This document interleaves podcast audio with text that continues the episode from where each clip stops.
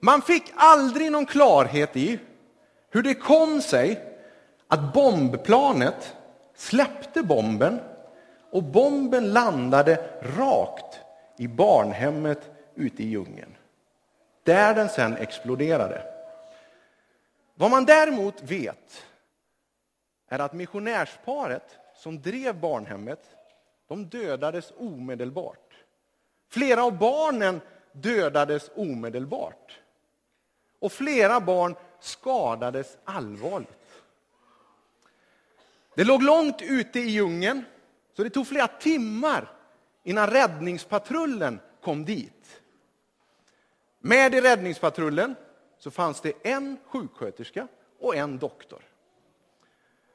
Tyvärr var det ingen i räddningspatrullen som kunde språket, så man kunde inte prata med barnen. Men man konstaterade ganska snabbt vilka som var mest skadade av barnen. Och allra mest skadad var en liten tjej. Och hon var så allvarligt skadad så om hon inte skulle få blod så skulle hon aldrig överleva. En snabb undersökning visade att doktorn, sjuksköterskan och räddningspersonalen, det var ingen som hade rätt blodgrupp. Så de kunde inte ge den här lilla flickan blod. Däremot hade flera av barnen på barnhemmet rätt blodgrupp. Nu skulle man då försöka på något sätt kommunicera med barnen. Så man ställde upp de här barnen med rätt blodgrupp och så försökte man då fråga, finns det någon av er som skulle kunna tänka sig att offra lite av sitt blod för att den här tjejen ska överleva? Det var inte en reaktion bland barnen. Men efter en ganska så lång stund så ser man längst bak i ledet en liten kille som darrande räcker upp sin hand. Vad bra, säger sjuksköterskan, att du vill offra lite av ditt blod för hennes skull. Så de lägger den här killen på en säng och så lägger de den skadade tjejen bredvid och så kopplar de upp lite aggregat emellan för att börja flytta över lite blod. Sjuksköterskan frågar killen då, liksom, är det okej? Okay? Killen nickar, men hon ser på honom att han ser så fruktansvärt olycklig ut. Hon känner att när någonting är fel. Så frågar är det säkert att allting är okej? Okay? Killen nickar igen. Och så vänder han bort blicken och så ser sjuksköterskan hur tårarna börjar rinna ner för ansiktet på honom. Ungefär då så anländer räddningspatrull nummer två. Och i den patrullen så finns det en tolk som kan barnens språk. Sjuksköterskan ropar genast till sig tolken. Kom, kom, du måste hjälpa mig här. Jag, jag måste. Och så sätter hon in tolken i situationen och förklarar att jag ser ju på killen att någonting är fel, men jag förstår inte vad det är. Och så sätter sig tolken ner vid sängen med den lille killen och så frågar tolken någonting. Och så svarar killen. Aha, säger tolken. Och så berättar tolken någonting för killen och så ser man hur hela ansiktet lyser upp i ett enda jättestort leende. Sjuksköterskan är bristfärdig av nyfikenhet nu. Så här, vad sa han? Vad var det som var fel? Jo, sa tolken, det här berodde på ett litet missförstånd. Han trodde att ni sa att han var tvungen att offra allt sitt blod för att hon skulle överleva. Han trodde att ni bad att han skulle dö för att hon skulle få leva. Sjuksköterskan hon är helt fascinerad över detta. Men, men nu måste du fråga den här killen då. Om det nu är så att han trodde att han skulle dö, varför ställde han ens upp då? Tolken frågar killen det här. Och då tittar killen upp på sjuksköterskan och så säger han, för att hon är min vän. Tänk om du och jag skulle försöka att vara lite mer vänner med varandra.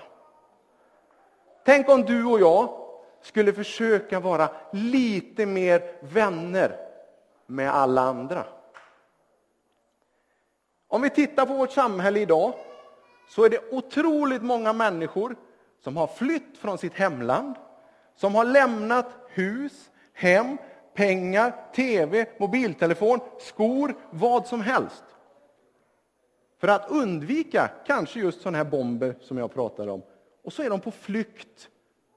Tänk då om du och jag skulle stå där och säga, hej du, jag skulle vilja vara din vän. Vad tror ni det skulle få betyda för dem? Nu är det så här att jag vet att vi kyrkor är ganska bra på detta ändå. Det här ska vi nästan slå oss för bröstet lite grann och säga att vi är ganska duktiga på detta. Och det ser man ju bara här. Vilken fin skohög. Jag är fascinerad över hur många av er som har ställt sina skor här och kommer att gå barfota hem idag. Eller är det så att ni har flera par skor? Det har kanske inte de som är på flykt. Jesus talar om precis det här. Och jag ska läsa ett litet kapitel eller några verser ur Bibeln för er. Som handlar om precis det som jag har sagt nu. Och Det är hämtat från Matteus 25, verserna 35 till 40. Och Det är Jesus som säger detta. Och det står det så här. Ty jag var hungrig och ni gav mig att äta. Jag var törstig och ni gav mig att dricka. Jag var främling och ni tog emot mig. Jag var naken och ni klädde mig. Jag var sjuk och ni besökte mig. Jag var i fängelse och ni kom till mig. Då ska de rättfärdiga svara honom, Herre, när såg vi dig hungrig och gav dig att äta? Eller törstig och gav dig att dricka? Och när såg vi dig vara främling och tog emot dig? Eller naken och klädde dig? Och när såg vi dig sjuk eller i fängelse och kom till dig? Då ska konungen, alltså Jesus, svara dem, Amen säger jag er, allt vad ni har gjort för en av dessa mina minsta bröder, det har ni gjort mot mig. Vem är då de här minsta som Jesus talar om i det här läget? Ja, man skulle lätt kunna tänka sig att det var de som stod här framme och sjöng ganska tidigt i gudstjänsten, eftersom de fysiologiskt faktiskt är minst. Men det är faktiskt inte er den här gången. Jesus talar om er i andra sammanhang. Men det handlar ju om de här som är på flykt, de här som inte har någonting, de här som är utstötta i vårt samhälle. De här som du och jag ska vara kompis med. För om du och jag är kompis med dem, då står det i Bibeln att Jesus säger, då är ni också kompis med mig. Det är inte så tokigt va? Nu tänker du säkert så att självklart, jag vill också göra någonting. Men jag har inte några som helst idéer. Och alldeles strax, om en liten stund bara, så ska mina barn komma fram. Så ska ni få lite praktiska idéer på vad man faktiskt skulle kunna göra. Men innan det så ska jag avsluta det här med en liten sån här berättelse till. Jag älskar små berättelser. Det här är nog min absoluta favoritberättelse, för den har en sån otroligt bra slutpoäng. Innan jag tar den ska jag bara säga nu, den här berättelsen är på intet sätt sann. Så att ingen går härifrån och säger att Patrik stod där framme och ljög idag. För det vill jag inte att ni ska tro. Så det här är inte sant, men slutpoängen är fantastisk och den väger upp osanningen i berättelsen. Man kan alltså inte göra så här. Det handlar om en ung man. Han står mitt på torget och så ropar han så här. Kom allihopa, kom, kom och titta på mitt hjärta. Jag har världens vackraste hjärta. Folket blir lite nyfikna på att få se världens vackraste hjärta. Så de samlade sig runt honom och så tittade de på hans hjärta. Så, wow, det är ju fantastiskt vad fint det är. Alldeles jämnt och fint. Inte minsta skavank på det hjärtat.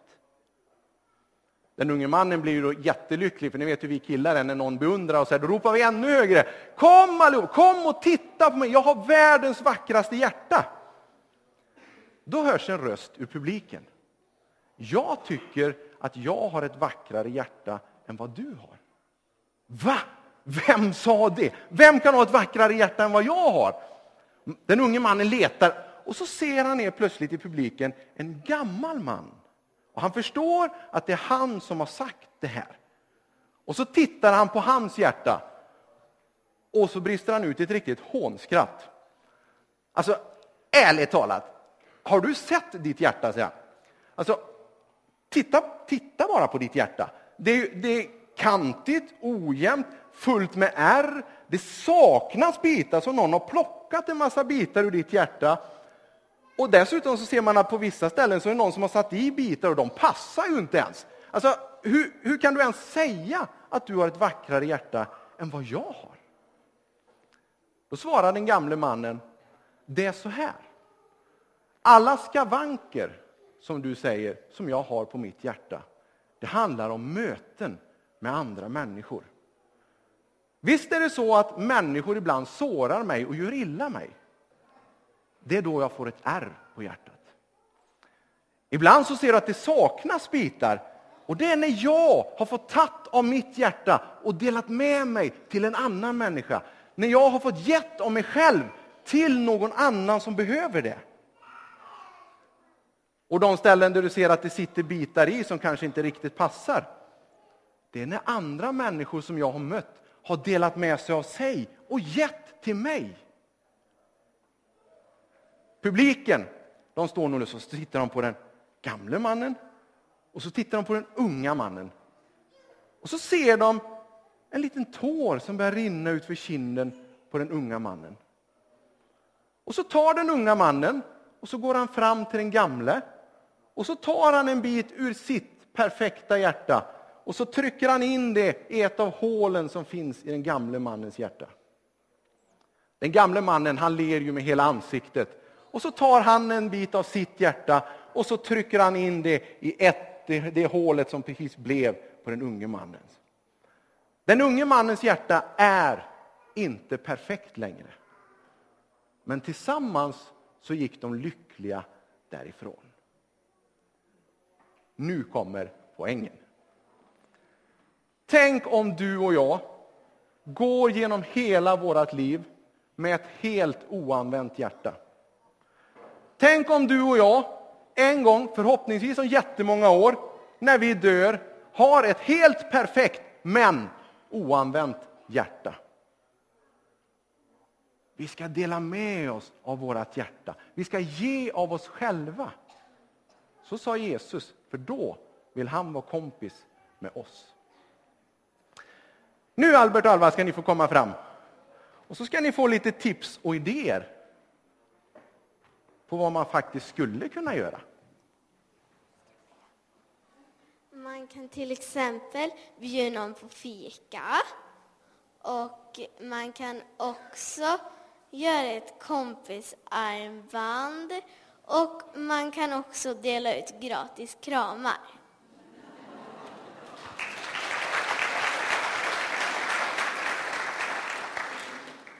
Eh, här kommer några mer. Lite, alltså man får jobba för att kunna fullborda det. Mitt eh, första till exempel är att eh, du skulle kunna gå igenom tio minuter i ditt rum, för jag lovar att det överflödar av saker som du aldrig använder. Så kan du sälja dem så att det blir som en liten miniloppis och pengarna du får in kan gå till välgörande ändamål. Mitt eh, andra förslag det är att om du och några kompisar kan spela några instrument så skulle ni kunna antingen hyra en lokal eller ställe någonstans att spela och samla in pengar. Och mitt tredje och sista som jag själv har gjort, det är ett löparlopp.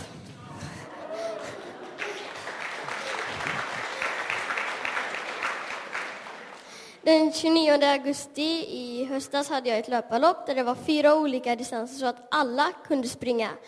Vi sålde fika och vi samlade in 109 vattenfilter. Det var 105 personer som sprang. 125, 125 menar jag. Och det kommer bli ett nytt löparlopp den 28 augusti nästa år och jag hoppas att du kan springa. Ingen kan hjälpa alla, men alla kan hjälpa någon.